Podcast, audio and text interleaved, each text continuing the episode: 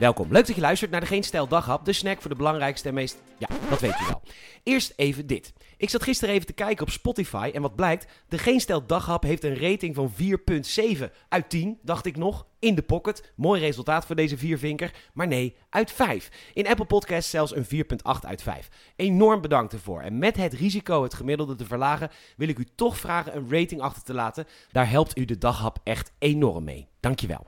Vandaag in de daghap. Ja, oorlog is echt kut. Techreuzen aangepakt en hoe Amsterdam Pride steeds meer wil gaan discrimineren. Mijn naam is Peter Bouwman en dit is het nieuws van vrijdag 25 maart.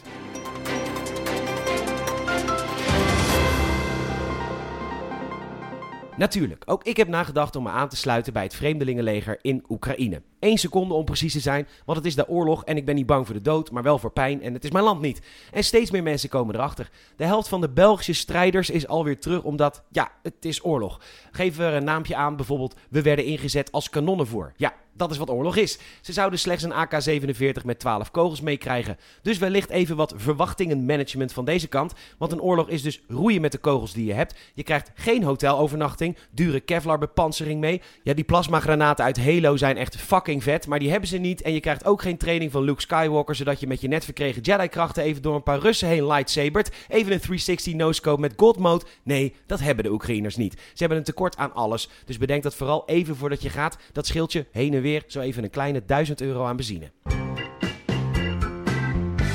Er is een akkoord over Europese wetgeving om de techreuzen te beteugelen, dat meldt de NOS. Dit is echt een wereldwijde gamechanger, want de regels zijn streng en de boetes zijn hoog tot 20% van de wereldwijde jaaromzet. En passen ze zich niet aan, dan mogen bedrijven als Apple, Google en Facebook lekker opminkeren uit Europa. Nou, dat willen ze natuurlijk niet. En dus kun je vanaf volgend jaar alle verplichte Apple-apps gewoon verwijderen. Krijg je bij Google keuze voor ook andere zoekmachines. Eindelijk weer zoeken met Ilse.nl.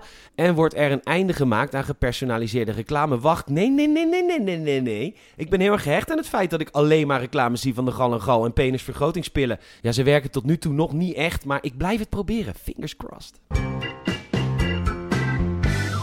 De Amsterdam Pride. Je zou zeggen, een groot succes van het evenement wordt ook enorm goed bezocht door hetero's. Wat fijn hè, al die acceptatie. Nee, dat is niet de bedoeling zo blijkt. Uh, dat is onderzocht door onderzoeksbureau Flows met een Z. Ugh. Volgens de onderzoekers is het niet de bedoeling dat straatfeesten worden bezocht door wit hetero publiek. Ja, ik laat het even bezinken. U mag dus niet op het feestje komen omdat u wit en hetero bent. Ja, dus u bent een man en toen u een jaar 14 was, was u er wel uit. U valt op vrouwen. Ja, echt goor. Ja, doe dat vooral hoor, dat geseks met het andere geslacht. Ik vind het uh, walgelijk. Maar goed, van mij mag u dat doen. Dus u bent geboren als hetero, balen. Maar daar kunt u niks aan doen. En omdat u geboren bent als heteroseksueel, dient u de Gay Pride niet te bezoeken. Zullen we met geen stijl een feestje organiseren waar homo's niet welkom zijn? Ja, ik lul me wel naar binnen. Ik ken de baas. Maar kijk hoe mensen dan reageren. Nou ja, Daarnaast moet er een uh, minder grote focus komen op het feest en meer op de emancipatie. Oké. Waar ik wel over te spreken ben, is het plan om meer te doen tegen pinkwashing. Je kent het wel. Bedankt Shell dat ik mag rimmen. Bedankt KLM dat ik met zes mannen in een tochtige kelder mag plompzakken. Super sympathiek KLM. Ja, daar mogen die bedrijven echt wel eens mee ophouden. Voetbalsystemen. Ze zijn best moeilijk. Vroeger was het simpel. Je speelde gewoon 4-3-3 of 4-4-2. Maar toen kwam daar de ruit en toen voelde de keeper zich ineens gepasseerd en wilde ze ook altijd benoemd worden in de systemen. Nou, Louis van Gaal is eruit met zijn systeem voor het WK. 1, ja, dat is dus de keeper. 3, 4, 1, 2.